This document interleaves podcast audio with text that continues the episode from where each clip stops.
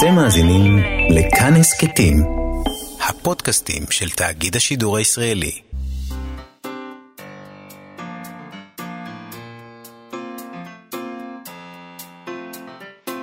מה שכרוך עם יובל אביבי ומה יעשה לה. שלום, צהריים טובים, אנחנו מה שכרוך בכאן תרבות, אה, כמו כל יום, כן. מראשון עד רביעי, ב-104.9 ו-105.3 FM, או באתר או באפליקציה. אה, איתנו באולפן, איתי סופרין ודרור רוטשטיין שעושים איתנו את התוכנית. אה, שלום לך, יובל אביבי. שלום, מה יעשה לה? היום אנחנו נדבר עם הסופר דרור משעני על רונית מטלון אה, עם ציון שנתיים למותה. ולקראת הרצאה שייתן דרור משעני באירוע שהתקיים לכבוד מטלון, משעני ידבר שם על הספרות כעשיית צדק עם המתים. אנחנו נבדוק מה זה הצדק הזה שעושים עם המתים. אה, נדבר גם עם אילי גרין שלנו, צייד הספרים, אה, על עולם ספנות הספרים, כמו שאנחנו עושים כל שבוע. יש לו משהו היום? פנטסטיק. נכון. אה, אבל נתחיל עם החדשות. אנחנו עושים גם חדשות. אה, והפעם אני לא מדברת על חדשות הספרות, אלא חדשות, באמת, חדשות. זה גורם לך הרבה עונג. ברור. אני בעצם רוצה תוכנית חדשותית. שבה אני אוכל לספר לכולם מה אני. חושבת. זה יהיה מדהים. לא, אבל זה לא יכול להיות ביקום שבו אנחנו חיים היום. למה? כי אדם כמוני, שיש לו דעות כמו שלי יש, לא יכול לקרוא, לא ייתנו לו לדבר אני ברדיו. בדיוק באתי להגיד שזו תוכנית שאני אאלץ להיות מאזין שלה ולא משתתף פעיל, כי... לא, לא, זה לא, זה לא, אף אחד לא ייתן לי תוכנית. אז בואי נדבר על הסר זה. דאגה מלבך. בואי נדבר על זה מהכיוון שלנו. כן. אה, במקרה הספרות מופיעה שם, בחדשות עצמן, אז זה מתיר לנו, זה נותן... אה, אנחנו דחפנו את הדלת, ועדיין אנחנו את הרגל נתאפק. בדלת בוא הזאת. נודה שזה אייטם מאופק. הייתם כן. מאופק, כן. Uh, בכת... מדובר על הכתבה במוסף הארץ מסוף השבוע שעבר, uh, ששם מופיעים תמלולי החקירות של uh, המו"ל ידיעות אחרונות, נוני מוזס. הוא נחשד, הוא נחקר בחשד שניסה לרקום עסקת שוחד עם ראש הממשלה ביבי נתניהו. הם שם דיברו על... וואו, ס- תודה שעדכנת, באמת, זה מה לא, שקרה? אולי, אולי יש אנשים פשוט לא יאמן.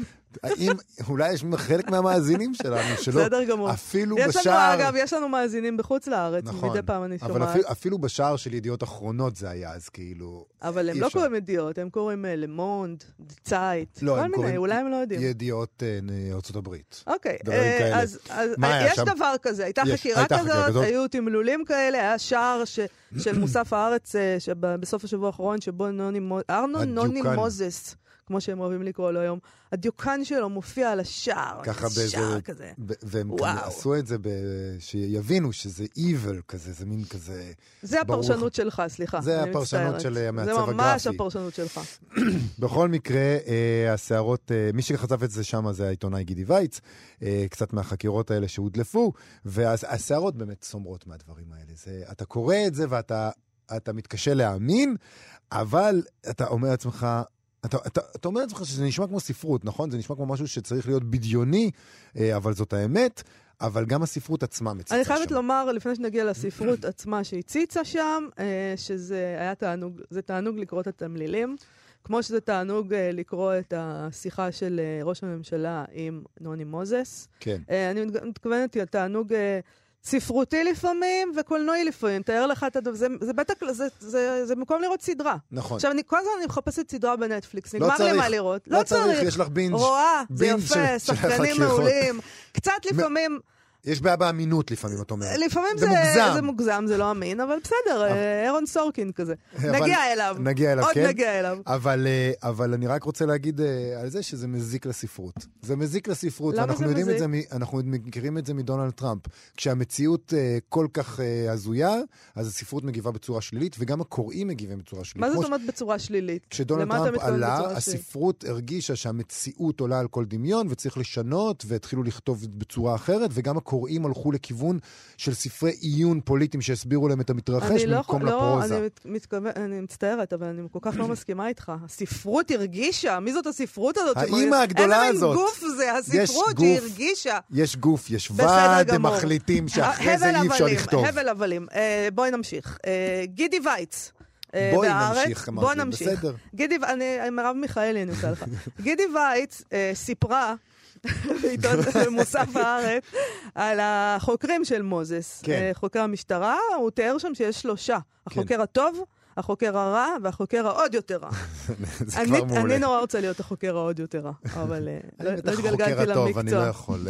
אה, לא, אתה לא יכול להיות החוקר הטוב, אני לא? מצטערת. לא, אתה ציני מדי. החוקר הטוב, הצעיר מבין השלושה, באופן לא מפתיע, כאילו הוא תמים כזה בטח, בעיני הנחקרים, כן. חמוד. קוראים לו דני יופה. וגידי וייץ כותב עליו שהוא בעל תואר בספרות, שהרבה לרפרר ליצירות, ליצירות בדיאלוגים בין השניים, יצירות ספרות. כן.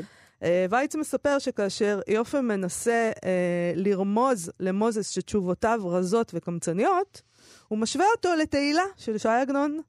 הרגלתי את עצמי לבדוק כל מילה אם צריכה שתיאמר, ונהגתי קימוץ בדיבור, העידה הדמות על עצמה. אחרי ששמעתי אה, אה, את נוני מוזס אה, מדבר עם ראש הממשלה, אני חייבת להגיד שאני לא בטוחה שמדובר פה באדם עם רגישות גדולה לספרות. לא בטוחה ששם הרגישות שלו. אולי ה- אולי הרפרנס הזה חלף לו... אולי זה עבר לו מעל הראש. לא, אבל יכול לא להיות שהוא גם אמר מעל, אולי לעצמו... בצד.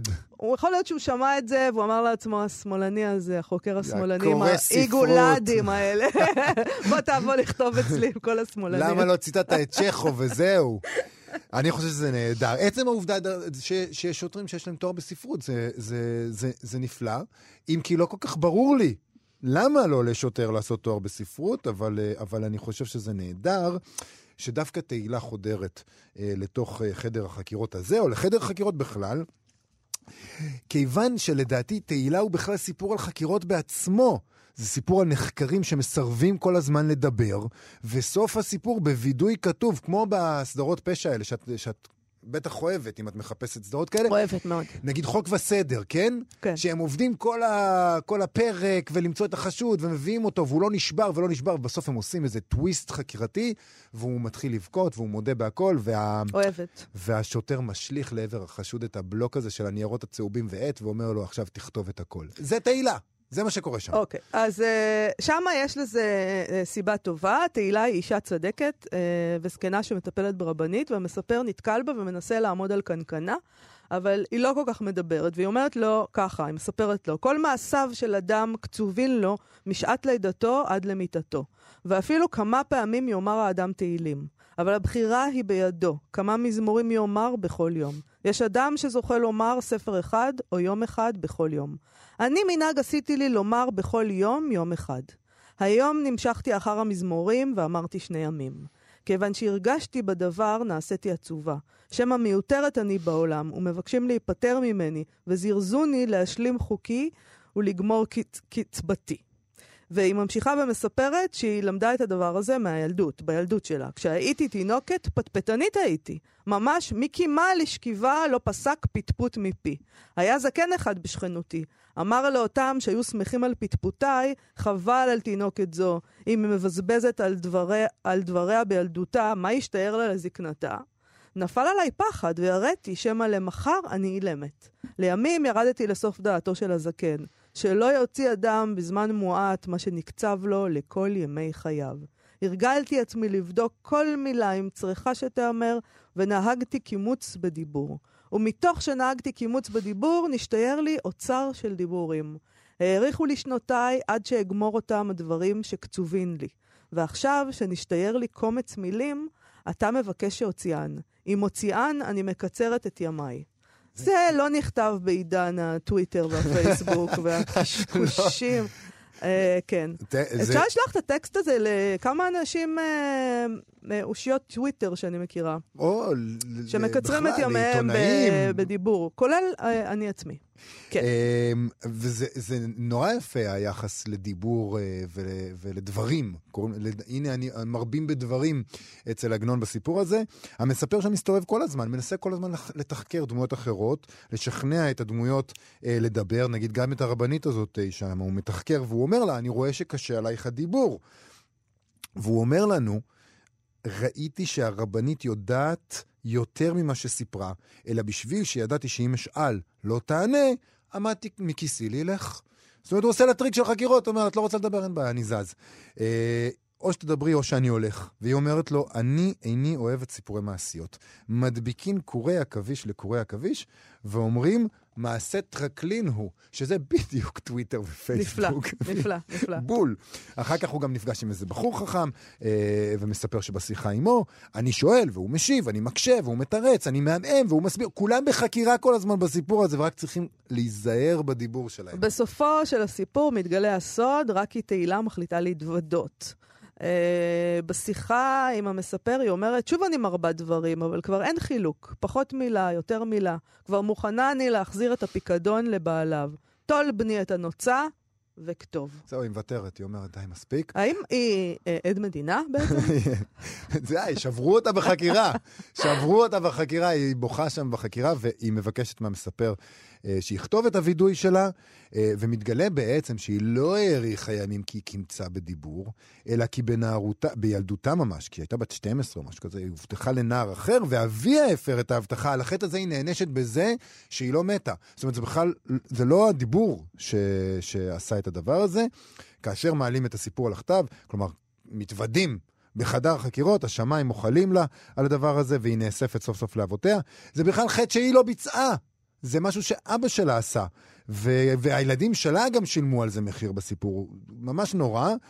בקיצור, זה סיפור על אנשים שעושים בשכל שהם לא מדברים כי זה מעריך את חייהם, אלא אם לוחצים אותם בחקירה כל כך טוב עד שהם מתוודים על משהו שהם בכלל לא עשו, רק כדי בסוף לקבל עונש מוות, שזה באמת טיפ טוב לכל הנחקרים. לא, אבל העובדה שחיי ארוכים, אה, זה לא נחשב לדבר טוב בסיפור. זאת אומרת, זה העונש. זה העונש. אז זה לא שהיא מקבלת עונש מוות, היא נפטרת מהעולם הזה סוף סוף. למרות שאומרים שהיא צעירה יחסית ויפה שם, זאת אומרת, זה לא שהיא זקנה עם, uh, במצב קשה, שלא נהנית מהחיים, נראית בסדר. Uh, יכול להיות שהיא, אתה יודע, נמאס לה, די. תימניה. תימנים הם, אה, אין להם, אה, יש להם את הגנים האלה. אין להם קמטים. אה, אני רוצה להגיד משהו באשר לשאלה שלך, למה ששוטר ילמד ספרות. כן. אני רוצה להגיד לך, כי כנראה אתה לא יודע את זה, שאדם לא נולד שוטר. זה נכון. הוא הולך ללמוד ספרות לפעמים, ואז הוא הופך לשוטר. כמו אישה, שלא נולדת אישה. הופכת לאישה. אה, אז, אז אתה יכול לשאול בכלל למה שמישהו ילמד ספרות בעולם הזה. כולם צריכים ללמוד אה, ספרות. ולא רק למה ששוטר ילמד ספרות. אתמול, אה, אפרופו חדשות, הנשיא כן. טראמפ אמר על חיסול האמריקאים, חיסלו את באקר אל-בגדדי, שטראמפ נשא נאום מחליא בעיניי, כן. ואמר שבגדדי, אל-בגדדי הוא מת כמו כלב. ועוד תיאורים מקסימים כאלה. אנשים לומדים ספרות, או אם הם לא לומדים, לפחות הם קוראים ספרות. כי זה יפה וטוב ו- ו- ונעים להם ועושה להם כל מיני דברים, אבל גם כדי שיהיו להם יותר מילים מאשר הצהרות ברוטליות, כמו ההצהרה הברוטלית והמבישה הזאת של הנשיא האמריקאי, שפשוט כן. לא האמנתי למשמע אוזניי. כאילו שהוא חושב שהוא באיזה סרט של אה, אירון סורקין, חבר שלך. הוא, הוא בטוח אה, שמדובר פה באיזה... איזה אדם לא אלגנטי. איזה מין דבר זה? מאוד לא אלגנטי, אבל אתה יודע, דבר אלגנטי אה, בקשר לדבר הזה צריך להיות... אה, לקמץ במילים. בדיוק. היה צריך ללמוד מתהילה. נכון. ובמקרה הזה, אה, אולי אפילו להגיד ממש מעט. מה, עם, כמו... מה עם הגברים שהיו פעם, ה-strong silent type, בדיוק. כמו שאודי אלן קרא לזה? נושאים את מטענם בשתיקה, ואתה יכול לסמוך עליהם. ושותקן. הוא רואה אותך בצד הדרך עם פאנצ'ר, הוא עוצר, הוא לא אומר כלום, מחליף לך נכון, את הגלגל, ואתה נכון, נוסע, נכון. ולא, אתה אפילו יודע איך קוראים לו, ויש לו מלבורו בקצה של ה... איפה הם? למה? היית חייב להרוס את זה המלבורו? עם, עם, עם עכשיו הדיבור הזה על סיגריות, שעכשיו כולם יכעסו עלינו. יכעסו עלינו? ברור. לא, זה כמו המודעות האלה של הגבר-גבר האלה. פעם, אסור כבר לעשות את המודעות האלה. אני יודעת בדיוק מה הרפרנס, אבל למה? שלא לדבר על הפרסומת שאתה עושה לחברה כה מתועבת. אוקיי.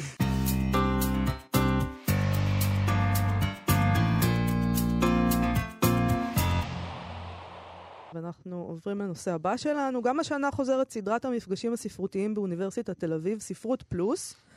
Uh, הפעם היא תיפתח בערב השקת הסדרה שיעסוק ברונית מטלון לרגל שנתיים uh, למותה.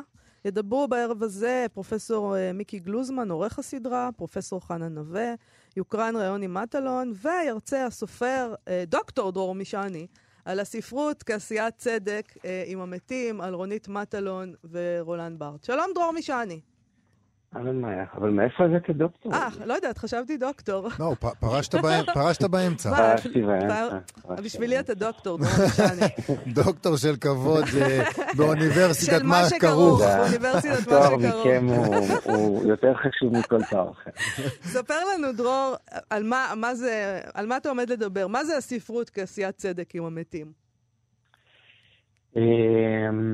בעצם בש, בשנתיים האלה, מאז שרונית אה, מתה, אני, אני נורא עסוק, כמובן גם באה בתור אדם וחברה, אבל, אבל גם בספרות שלה, ו, ו, ומכיוון שאני גם עסוק ברולן בארט כבר הרבה מאוד שנים, איכשהו הרגשתי שיש ביניהם איזה קרבה, הרגשתי את זה בהתחלה באיזה אופן אינטואיטיבי, יש דברים ש...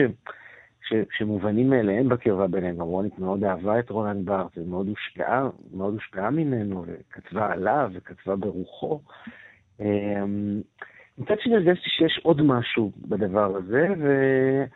וזה קצת קשור, אני חושב, למשהו שרולנד בארט עשה בשנים האחרונות לחייו, ורונית בעצם עשתה אולי כל חייה, וזה בעצם ההבנה ש... שהמטרה האמיתית של הכתיבה, שהפרויקט ה... גם האסתטי, אבל גם האתי העמוק של שניהם, ככה נדמה לי לפחות, הוא, הוא להשאיר אנדרטה. לא לעצמם, אלא לבני בני משפחתם. אה, רולנד בארט אומר את זה באחד הטקסטים המאוחרים, המאוחרים שלו, אה, לכתוב על אנשים כדי שהחיים, כדי שהחיים שלהם יהיו, יהיו חיים שלא נחיו לשווא, mm. חיים שלא ייעלמו, חיים שיישארו. אמ, וברט באמת עושה את זה, אם אתם זוכרים, במחשבות על צילום, בספר בעצם האחרון שהוא מוציא בחייו, אה, שהוא ספר שבעצם משאיר את אימא שלו בחיים, אה, כן. בחיים אחרי מותה כמובן. אמ, ורונית בעצם בהרבה מאוד מובנים עושה את זה חלק גדול מיצירות הפרוזה שלה, גם במסות, אבל גם ביצירות הפרוזה שלה, אולי בשתי היצירות הכי גדולות שלה, אה, גם זה עם הפנים אלינו, ו- ואולי אפילו יותר מזה, כל צעדינו, שהם בעצם מין אנדרטאות גדולות אה, לבני משפחתה, נגיד כל צעדינו בעיקר לאימא שלה, כמובן. במובן הזה, ברגע שאתה כותב על המשפחה שלך, אתה עושה את זה? כי הרי היום זה מאוד מאוד מקובל לכתוב על עצמך ועל הילדות שלך ועל מי שהביא אותך למקום שבו אתה נמצא ב autofiction, אבל לא כל מי שכותב כן. על המשפחה שלו עושה את לא. הדבר הזה האנדרטאי שאתה מתאר? לא, לא, שאלה מצוינת. אני חושב, ש, אני חושב שזה קשור באמת באיזו הבנה אה, ראשונית, שזאת המוטיבציה של הכתיבה. אה, אתה יודע, אני חושב שרוב הכותבים כתבו על בני משפחתם בצורות כאלה או אחרות, אבל זאת לא הייתה המטרה של הכתיבה, והרבה מאוד פעמים, אתה יודע, הכתיבה על בני משפחה רק משמשת הכותבים או את הכותבות כדי לכתוב על עצמם בעיקר. לא, לא, אני לא אומר את זה באיזה מובן רע, אלא פשוט, זה, זה ה autofiction, אתה כן. כותב את עצמך, ו, ובני המשפחה הם מין לוויינים מסביב. אמ, אני חושב שאצל רונית מטלון, בכל צעדינו, אם אתם זוכרים את כל צעדינו, האימא היא במרכז, זה ספר על האימא, תחשבו על השורות, על איך הוא נפתח, הדבר הזה של האימא שחוזרת בלילה, אה, והבת שמחכה לה ומקשיבה לצעדים שלה. אגב, פתיחה ש... כשהתחלתי להכין את ההרצאה הזאת, פתאום הבנתי עד כמה היא דומה לפתיחה של פרוסט. בארט, בארט מדבר על פרוסט גם בתור מי שחלק מפרויקט הכתיבה שלו זה, זה להשאיר איזה אנדרטה לאימא שלו, אה, והרי בעקבות הזמן האבוד נפתח גם ב, בילד הזה ברגע שלפני השינה, וגם כל צעדינו נפתח בילדה, ממש רגעים לפני השינה, כשהיא מחכה לאימא שלה שתחזור אה, מהעבודה ב-11 וחצי בלילה, אמא שלה חוזרת מהעבודה ב-11 וחצי באוטובוס. אה, אז זה הדבר, כאילו, הם המרכז, הם, הם ולא, ולא האדם הכותב או... אתה חושב שהיא הייתה מודעת לזה, רונית אה, מטלון, כשהיא כתבה? זאת אומרת, זה היה באמת הפרויקט שלה? לפחות בחלק מהיצירות. תראי, רונית כתבה, א', רונית הייתה סופרת אה, מאוד אה, מודעת ומאוד אינטלקטואלית, וסופרת שעסוקה במחשבת הספרות וקרובה לתיאוריה, ואת יודעת, סופרת שכתבה מסע בשם עמדה כלפי הביוגרפיה. כן. אחת המסעות הכי חשובות של רונית. אז אני, אני, אני, אני מניח שכן, למרות שלא דיברנו על זה אף פעם באופן הזה, באופן הישיר הזה. אמ, אבל, אבל גם באמת בחלק מהכתיבה המסעית שלה זה ברור שהיא כותבת על ההורים. אמ, יש רגע, יש רגע באחת המסעות הביוגרפיות האלה, שהיא מתארת איך היא יושבת בקפה מסריק עם, עם אה, נורית זרחי. אמ, ו, ואז ניגש, ניגשת אליה איזו אישה, קוראת, ואומרת לה שהיא נורא נורא אהבה את, ה, את הספרים שלה, אמ, ושזה נורא עניין אותה לקרוא על האנשים האלה שהיא לא הכירה לפני כן, כי המשפחה שלה היא מהמייפלאואר. זה ככה אומרת הקוראת. ורונית לא אומרת כלום מהעדינות שלה, אבל נורית זרחי אומרת, היא אומרת לה, לקוראת הזאת, גם ההורים של רונית הם מהמייפלאואר, אבל זה מייפלאואר אחר. אמ, ורונית מתארת את הרגע הזה במסע, ואני חושב ש... אפשר לראות את ההבנה שגלומה שם, כלומר, אצל רונית, וזהו הבדל חשוב בעיניי מבארט נגיד, אצל רונית לדבר הזה של האנדרטה יש גם היבט פוליטי. אה, אם אצל בארט זה בעיקר מין איזה פרויקט אישי, אינטימי, סנטימנטלי במובן הטוב של המילה, אה, אצל רונית יש לזה גם היבט פוליטי, כי זה, כי זה גם להשאיר אנדרטה לאנשים שאנחנו, כשאנחנו מסתובבים בעיר, אנחנו רואים מעט אנדרטאות. עבור אנשים מסוגם, גם, גם בספרות וגם באמת אנדרטאות פיזיות בעיר. כן. אבל יש במידה מסוימת אה, אה, משהו מגביל נורא בתפיסה הזאת, שזה התפקיד של הספרות וזה מה שהיא צריכה לעשות, ושזה המטרה הגדולה. כי בסופו של דבר, ברגע שאתה נכנס ואומר לעצמך, זה מה שאני הולך לעשות, מן הסתם, קודם כל, זה, אולי זה לא, לא מספיק להמון המון יצירות, אלא ליצירה מונומנטלית אחת. אבל מצד שני גם, אתה יודע, אומרים, הספרות צריכה להיות מנותקת מכל החובות האלה, מכל התפקידים האלה, היא צריכה להיות רק הספרות. יש איזה, אם יש איזה דבר שהספרות צריכה לעשות, אז מיד מיד זה מגביל אותה, כן. מיד זה מצר את צעדיה.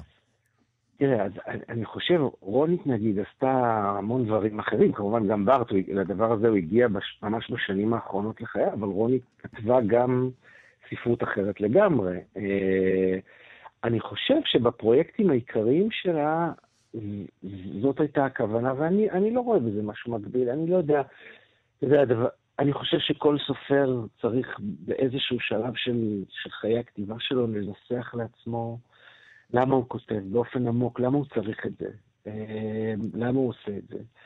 ו, ואני חושב שזאת מטרה מספיק טובה. אה, זה בעצם, אני חושב שזה כן חוזר למטרות הכי ראשוניות של כתיבה, וזה מין להילחם במוות, להילחם באמת באיזה אופן עמוק, להשאיר משהו, לא ממך, והפעם לא מעצמך, אלא להשאיר משהו מאנשים אחרים. בעיניי זאת מטרה, שוב, אתה יודע שהיא גם בדיוק משלבת את ה... את האתי ואת האסתטי, והרבה מאוד פעמים כשהאתי והאסתטי משתלבים ביחד, אז נוצרת ספרות גדולה. אה, אז יש איזה, איזה חוזה עכשיו של הדבר הזה? זאת אומרת, עכשיו אה, עליכם מוטלת אה, האחריות לעשות עבורה נכון, את אותו נכון, דבר? נכון, נכון, נכתוב עליה. נכון, אני לגמרי מסכים לו, וזה כמובן אחריות נורא גדולה, וכמובן תוך כדי הכתיבה של המין הרצאה הזאת שאני צריך, אני עסוק גם בדבר הזה, איך אנחנו יכולים תראה, רונית, שוב, מכיוון שרונית, אה, ההבדל בין מה שרונית עשתה לבין מה שאנחנו צריכים לעשות עבורה או בשבילה, זה ש, שהיא גם השאירה את עצמה. Mm-hmm. אתה יודע, רונית אה, כתבה ספרים יותר גדולים מאלה שאנחנו נכתוב, וזה, יישאר. אבל כן, אתה יודע, זה גם לכתוב עליה, זה, זה באמת, זה, זה פחות, זה גם חובה, אבל זה גם סוג של עונג מכאיב מאוד, אבל, אבל כן עונג. כי אתה, כי אתה כאילו מחיה אותה לעצמך בתוך החדר. זה נחמד. דרור מישני, תודה רבה לך על השיחה. אז נזכיר, זו יהיה אה, ערב השקת הסדרה, אה, ספרות פלוס, זה יעסוק ברונית מטלון, ושם תרצה הספרות כעשיית צדק. בשישה בנובמבר, אנחנו אמרנו? אה, זה לא נכון? בשישה בנובמבר. בשבוע הבא, ביום רביעי הבא. יפה. אז uh, אנחנו, uh, זה נשמע מרתק. תודה רבה לך, דוקטור של כבוד. דוקטור של כבוד.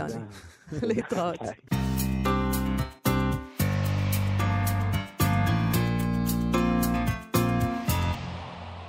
אנחנו מה שכרוך בכאן תרבות. זה היה אמיר בניון. משמידי שירים. די, אני חייבת ללכת להופעה שלו. די! זהו, מספיק. אני הולכת. אי אפשר יותר. זה, זה, זה, זה חייב לקרות פה.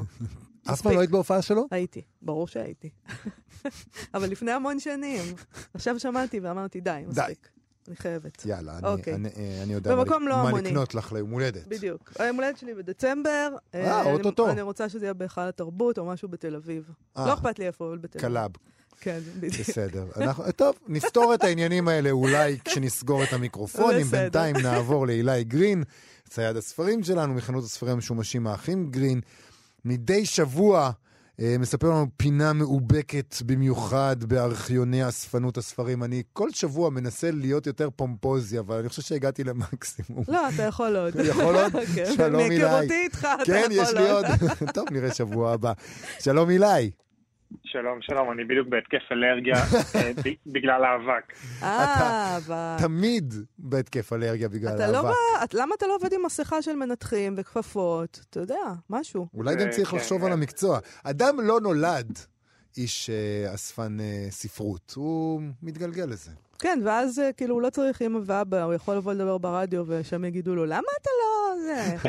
למה אתה לא שם עם מסכה? מה, מה למה אתה לא לובש סוודר? למה- אילי גרין, על למה מה לא נדבר היום? יזמות נדל"ן? כן. אה, זה- זה יהלומים נראה לי, זה הדבר הנכון. תחשבו על זה, אני מגיע לבית של מישהו ויוצא עם הסחורה שקניתי בכיס. במקום להתחיל, וזה- במקום לסחוב זה ארגזים. חלומי וזה וזה נקי. אף פעם לא מאובק. נכון. כן. אה, אבל יש אוקיי, לך איזה סוג של יהלומים שהלכת אה, לאיזה בית עכשיו ומצאת. מה שנדבר יהלום עליו. יהלום. כן, נכון, אוקיי, כן. בוא נדבר עליו. אמ, אז אמ, אני מספר היום על איזה פינה מאובקת אה, שקרה לי אה, מפנה דירות. אה, אם יש אנשים, הם בדרך כלל עובדים בשוק הפשפשים, אה, מה שהם עושים זה שהקבלן שמקבל דירה לשיפוץ אה, מביא אותם ואומר להם, תקשיב, יש פה דירה עמוסה, תשאיר לי את הדירה הריקה, אני רוצה בעצם אה, דירה להרוס. ואז המפנה דירות מתקשר אליי ולעוד כמה אנשים, ואומר לנו, תקשיבו, יש פה ספרים, יש פה פריטים, חפצים, תבואו תקנו את זה ממני. Mm. אז אה, יש אה, כמה כאלה קבועים שתמיד קוראים לי לדירות שהם מקבלים. זו טכניקה מזעזעת, כי מה שזה אומר בעצם זה שמי שקיבל את הדירה לידיו, ירש אותה, מקורביו של מי שנפטר, אומרים, אני לא הולך להתעסק עם כל למה זה הדבר הזה. מזעזע? זה החיים. אה, תקשיב, יש, יש המון לעבור דברים. מה, על זה באמת. הילדים קצת. שלך חייבים לעבור על הפצטלח שלך? לא קצת, בא להם. היית אבא גרוע, הם לא רוצים להסתכל. זה תקשיב, תלוי. זה לרוב, זה לרוב גם דירות של האפוטרופוס הכללי, זה לרוב גם דירות של אנשים אולי שהיו עריריים, שמקבלים Mm. דירה באמת שאין להם עניין בחפצים האישיים שם, וגם הרבה פעמים אני מגיע לדירות כאלה, ובאמת מדובר בהמון אה, דברים לא שווים, ריהוט אה, כזה או אחר, חפצי חשמל לא שווים. אוקיי. זה לא תמיד... לא, אה, לא הפעם. לא הפעם, הפעם אה, עברתי על דירה, היו שם אה, בעיקר כלי זרוחית, המון אה, קריסטלים, דברים שלא כל כך מעניינים אותי אישית, ואני אה, בן אדם די יסודי, אז אה, החלטתי לעבור על כל מה שיש בבית, ובמרפסת מצאתי אה, שקית ניילון של סופר, ובתוכה אה, שני אה, חוברות, שתי חוברות, אה, כן. תפילה, אה, מ-1790. עכשיו, אה, בהתחלה הייתי בטוח שזה משהו בגרמנית, ואז דפדפתי בחובות, וראיתי שבפנים יש תפילה בעברית, כלומר, טקסט בעברית. נתתי את זה לקדם, לבית מכירות פומביות, הם עשו בירור, ועכשיו בדיוק זמן למכירה, ומתברר שזה חוברות שהקהילה היהודית בפרנקפורט, הרב שם הוציא בעצם אה, תפילה לכבוד בחירת הקיסר הנוכחי שהיה ב-1790. ספציפית זה הקיסר לאופולד השני בחוברת אחת, ובחוברת השנייה זה הקיסר פרנציסקוס השני. אה, בעצם נאמרה תפילה אה, המונית על ידי הקהילה היהודית שמהללת את הקיסר החדש, והוצאו אה, חוברות, אה, בטח למכובדים שיוכלו לקרוא את התפילה שם. שני, ש... אני רוצ... חייב רגע לעצור אותך, אני מצטער. אלה החוברות המקוריות שהודפסו ב-1790 פלוס מינוס? כן. ואתה מצאת אותן באקראי, בתוך שקית פלסטיק במרפסת. במרפסת. כן. זה כן, מלפני... כן, זה, זה, זה המקומות הביזאריים ביותר בבית בדרך כלל. לא, זה צריך, תראה. אבל אתה, את, מי שמה שצריך לעשות פה בעצם, אה, עיתונאי או סופר אפילו, זה לבדוק של, למי זה היה שייך. מי גר בדירה הזאת, ואיך זה יתגלגל עליו. זה, זה הסיפור המעניין, אבל זה לא מה שאנחנו נספר פה למרבה אבל איך זה ישתמר? זאת אומרת, אם זה במרפסת, ואיך זה לחות, חרקים, עניינים, לא... זה, אני חייב להגיד שזה מראש אה, הודפס בנייר עבה ואיכותי מאוד. אה, אם זה היה נתפס ב- בצורה פחות אה, איכותית, אני לא חושב שזה היה משתמר, או שזה היה מתפורר, או שזה היה כבר עם אה, לחות ממש, אה, רטוב, אבל אה, ספציפית אה, כנראה שמישהו שמר על זה. אני לא חושב ש... אני, אני לא יודע את הסיפור, אני באמת אתה, לא יודע את אתה, הסיפור. אתה לא יודע מי גר בדירה הזאת? של מי, למי זה לא, שייך? אין לי מושג. אני ב- הייתי בקשר עם המפנה דירות, אה, שילמתי לו. אה, עכשיו, יש לך לא. מושג כמה עותקים מהדבר הזה נדפסו? אה, יש קיימים אני לא יודע- אני לא יודע בספרייה? כמה- לא יודעת. זהו, אני לא יודע כמה נתפסו מראש, אני יודע שכרגע כנראה שאין יותר מדי עותקים כאלה בעולם. אם יש, מדובר כנראה בעוד אה, שניים שלושה, והם נמצאים בידיים פרטיות, כי הבדיקה שעשו בבית המכירות, אה, הם מצאו שזה לא נמצא אפילו בספרייה הלאומית. עכשיו, זה סוג של שם קוד למשהו ממש סופר נדיר. נדיר. אה, זה לא כן. נמצא בספרייה הלאומית. או, לא נמצא בספרייה הלאומית. שלחת לנו תמונה של הדבר הזה, ולמעלה כתוב בגדול 483. יכול להיות שזה עותק 483 מתוך ה... אני אה, לא יודע, אני לא יודע מה זה, רשום שם 483 והמספר 1875. כן, זה אולי זה. העותק 483 מתוך 1875 שהודפסו? אני לא יודע, אני מניח שגם בבדיקה הם לא הצליחו להבין מה זה, אבל... אה, טוב, זה- זה אוצר כנראה אמיתי. סופר נדיר. זה- עכשיו זה תג- אוצר אמיתי. בואו נדבר. תכלס, מה, מה, כמה, מה, כן, מה, כמה מה- שווה כמה זה האוצר? שווה האוצר? לא יותר מדי. אחרי כל לא- הבילדאפ. לצערי אני לא אצא לפנסיה. אה, חשבת בהתחלה שזהו אתה יוצא לפנסיה? לא, ממש לא, אני כבר אה, רגיל. אה, תראו, משהו שהוא מ-1780, 1790, זה דברים שהשתמעו די הרבה בעולם. כלומר, זה לא... זה נשמע מאוד נדיר, אבל לפעמים יש דברים כאלה שאין להם ביקוש אפילו.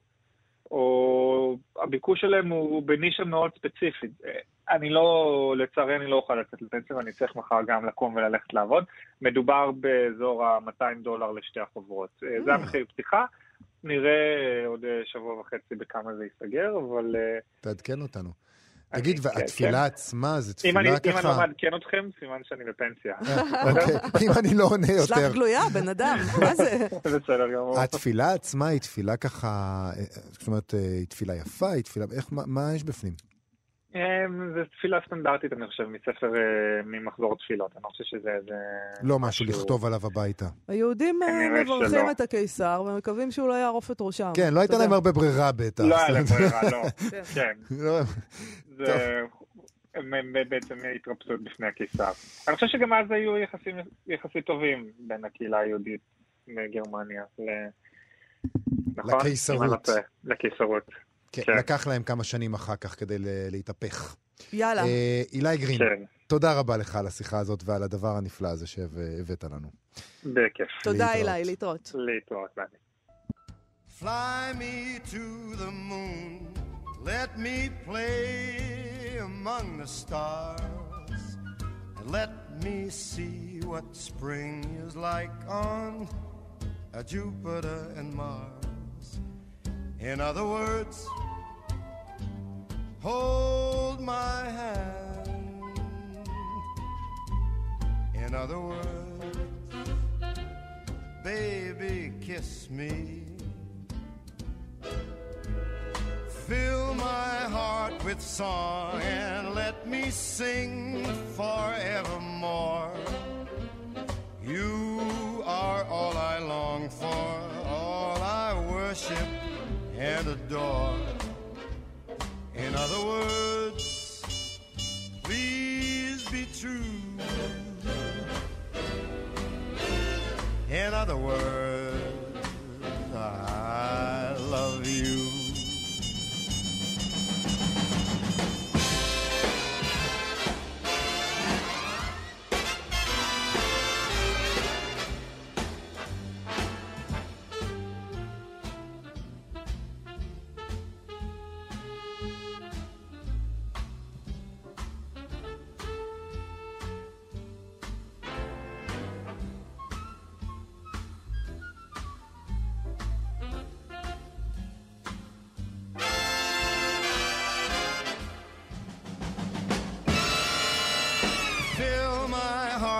song.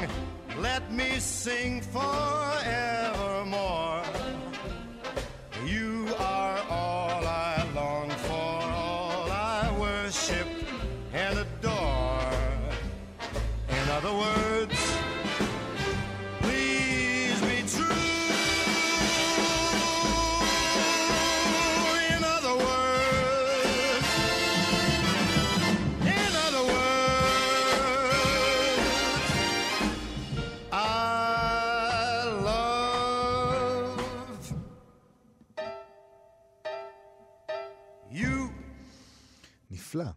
סינטרה. אנחנו מה שכרוך בכאן תרבות. נדבר עכשיו על התחקיר שערכה גפי אמיר אה, בביקורת של עמוסה ספרים על הספר החדש אה, של רון אה, לשם. יפים כמו שהיינו, זה ספר שיצא בהוצאת כנרת זמורה ביטן דביר, והיא לא כל כך אהבה את הספר, נגיד. לא. אה, היא כותבת ומדגימה אה, בטקסט אה, של לשם, לפי דעתה, אה, מייצר תוכן סינתטי, יומרני, פסבדו-ספרותי, גדוש בקיץ' ונוסטלגיה, משופע בתיאורי אלימות ומלחמות, דימויי רצח והרג כפורקן מיני, תיאורים כמעט אינפוגרפיים של הדק ערובה כדגדגן, גופות מבוטרות ונערות דם וקטשופ ממחלקת האפקטים. זה ציטוט של גפי אמיר. כן? היא גם טוענת שלשם מתמחה בספרי מלחמות ובסכסוך הדמים הישראלי-הערבי. הוא כותב כמו ספרות מלחמה, במניירות של ספרי המלחמה המונומנטליים, אך בלי האומץ ונקיטת העמדה שיש בהם. במקום עמדה, ממית לשם על קוריו קלישאות בנאליות ברוח טורי עיתונות בעד ונגד. אפשר, אפשר לסכם לא חיובי, הטון. לא. אנחנו ציינו שזה פורסם במוסף ספרים של הארץ. אני חושב שכן, אבל תמיד לא. טוב להגיד. במוסף ספרים של הארץ, גפי אמיר. נמשיך. אה, כן, מה שיותר מעניין מאשר כן אהבה, לא אהבה בביקורת אה, והטיעונים, זה התחקיר. גפי, גפי אמיר הלכה אה, וקראה את ספרו הראשון של אה, רון לשם, זוכה פרס ספיר אם יש גן עדן, והיא מראה איך הוא משתמש בדיוק באותם ניסוחי שני הספרים, וממש אחד לאחד, ועל כן הביקורת זכתה גם לכותרת מצוינת, במערב אין קול חדש. כאילו, אבל המערב הוא באלף. זה חמוד. אוקיי. אה, כבר שם הספר לדבריה הוא מחווה של לשם לעצמו. שזה תמיד יפה, שאנשים עושים מחווה לעצמם. היא מזכירה שאם יש גן עדן, שיצא ב-2005, ספרו הראשון והמצליח, נפתח במילים, הוא כבר לא. יונתן כבר לא יראה אותנו מתכערים. לעולם לא נהיה יפים יותר מעכשיו, הוא תמיד היה אומר. כן, אז שם הספר הוא רפרנס uh, לעצמו, והיא ממשיכה עם המון דוגמאות. למשל, מזג האוויר דומה שורר, מזג אוויר דומה שורר במלחמות אה, בשני ספריו, היא אומרת, קור אימים, קור שועלים בראשון, קור אימים בספר החדש. בגלל הקור, בדרך למערב, כפות הרגליים שותקו מזמן, ואם יש גן עדן, ואילו הרגליים הכבדות נאבקו בבוץ בנוכחי. למרות הקור, הבטן מזיעה בטירוף נוטפת ממש בספר הביקורים. מול הספר הנוכחי, טיפות זיעה צילקו את המצח, האף, הצוואר בנוכחי. בשני הספרים היא מציינת מעוננים בשמירה. Uh, במערב, שיימשך 72 שעות בספר הראשון ושלושה ימים בספר, השליש, uh, בספר השני, uh, כלומר השלישי, uh, יוצאים עם קבנוס בספר הראשון וסלמי בספר החדש. הגיבור הקשוח צובע את הפנים במשחות הסוואה, בגוני ירוק וזית. השתנתי לתוך בקבוק, זה ציטוט, זה בספר שראה אור עתה, לעומת אה, מין אה, תהייה מהספר הראשון. מה אני צובע לעצמי את הפנים? מה אני מפגר שאני משתין לתוך בקבוק? אה, זה בימי גן עדן. בשתי המלחמות, בשני הספרים, באותן נסיבות בדיוק, בדמדומי הזריחה התמקמנו בין השיחים. שיחים קוצניים ננעצו בכל הגוף, זה בספר החדש. לעומת הספר הראשון, שוכב בתוך שיח קוצני בדמדומי זריחה. אה, ועוד, זה ממשיך, היא עשתה מחקר מאוד מאוד, היא עשתה דוקטורט פה, אה, היא כותבת, שני הגיבורים שוקעים בהזיה, בספר הראשון, מת לטבול במימיו, לצוף על הגב, להיסחף בזרימה אל הפלגים הכחולים במלחמת לבנון, ואילו בספר הנוכחי, במחנה הפליטים ביהודה ושומרון, לחתור לעומק אל ים שטוח וכחול כמו השמיים. וגם, בופור זה לשקר לאימא, זה הכל ציטוטים, כן. שיהיה ברור. וגם ציטוט, בופור זה לשקר לאימא בטלפון כדי לא להדאיג אותה, לעומת, למה להרוס לאימא את הלילה? בנסיבות שלפני פעולה, דניאל הלוחם וחבריו לסיירת נוסעים מהקרבות בחזית להופעה בתל אביב, וחבר בצוות, ציטוט, הביט בסלידה עמוקה על התל אביבים שרקדו שם בין חיילי הצוות. לעומת בספר הראשון, לכולם עוברת בראש מחשבה על איזה בן זונה אחד ששותה עכשיו קפה בשנקין. זה, זה ממש קשה, כאילו, בעצם. זה קשה לקרוא את זה, כי... זה לא, מצחיק. כי הוא עשה מזה צחוק. זה? מצחיק. קשה. כי כואב הלב, כואב הסופר. הלב. כן. זה מזכיר לי נורא, אה, יש קליפ יוטיוב מפורסם אה, שנקרא סורקיניזם, ויש לו כבר את ההמשכים, סורקיניזם 2, סורקיניזם 3. זה כולל המון המון קטעים מכל מיני סדרות וכל מיני סרטים שכתב התסריטאי המאוד מאוד פורה אהרון סורקין. הוא כתב למשל את הבית הלבן, אה, סטודיו 69 לפי דעתי, עוד כל... חדר Newsroom, חדר. חדשות. וגם סרטים, הנשיא מאוהב לפי דעתי, הוא כתב מלא מלא דברים. כן, הוא תסריטאי ו- מאוד מצליח. ובקליפ יוטיוב הזה פשוט מראים שבכל הסרטים והסדרות, לפעמים באותה סדרה עצמה, חוזרים שוב ושוב ושוב בדיוק על אותם דברים, אה, פשוט ממחזר את עצמו אה, ללא הפסקה. נתת עכשיו מחמאה מאוד מאוד גדולה לרון לשם, אם כן? אתה התכוונת להשוות אותו לארון סורקין. אה, הגזמת קצת, בסדר. בוא נמשיך. אני לא חושב, כי כשרואים את הסרטון הזה, אתה מתכווץ קצת בכיסא. אתה אומר לעצמך, היי, זה מה שהוא עשה, אהרון סורקין, זה לא כל כך טוב. אה, אבל אני חושב שיותר מאשר בדיחה, אני חושב שיש בזה ביקורת קולעת, כי זה יותר מאשר מחזור. ואני חושב שהטענה בביקורת זה שלשם לא רק עושה את כל הדברים שהיא אומרת שהוא עושה, אלא גם שהוא מומחה ביצירת תוכן מסחרי פופולרי לדעתה, וכשהוא מזהה, כמו אהרון סורקין, נוסחה מנצחת, הוא לא עוזב אותה, הוא ממשיך להשתמש בה שוב ושוב. אם יש איזה משפטים שמייצרים אווירה שנחוצה בעיניו להתקבלות של הספר, הוא ישוב וישתמש בהם.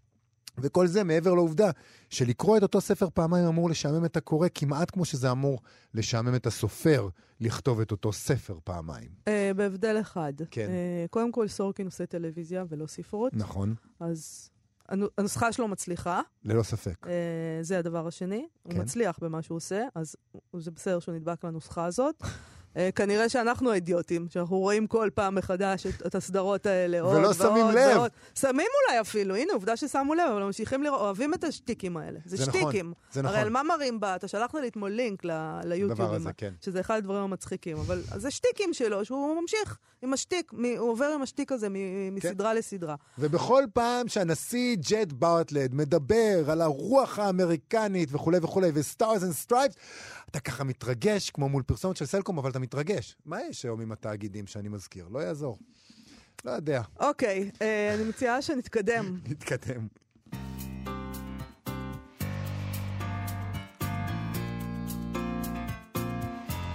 אה, טוב, אה, לסיום, נכון? כן. סטטוס ספרותי, מבקר הספרות, איתן גלס, העלה אצלו בפייסבוק שיר של אווה קילפי, שחשבתי לעצמי שחייבים לקרוא. אז תקריא, אה, תקריא כי אותו. הוא מאוד יפה. נכון. אז אה, קודם כל אני אגיד שהוא תורגם מפינית על ידי רמי סהרי, ואין לו שם לשיר, והוא הולך ככה. סוף כל סוף אירע שפגשתי אדם שאהב אותם דברים כמוני, סנוניות, עטלפים ובתים שוממים. את הדרך המשובשת והעשב הגבוה, את בריכת היער, ערפל ובדידות. ומטבע הדברים היינו עקביים, לא יכולנו לסבול איש את רעהו. מדויק להפליא הדבר הזה. בגלל זה אני יכולה לסבול אותך. כי אה, אנחנו ממש לא אוהבים אותם שונים. דברים. כן. אה, ובנימה זו, זה זמננו לסיים. אנחנו נודה לאיתי סופרין ולדרור רוטשטיין שעשו איתנו את התוכנית בהפקה ובביצוע הטכני. נספר שאחרינו המעבדה עם גיל מרקוביץ', ואנחנו נהיה פה שוב מחר כרגיל. שבוע רגיל פשוט, מראשון עד רביעי, בלי הפסקות אה, מיותרות לכל מיני חגים משונים. אז מחר, להתראות. להתראות.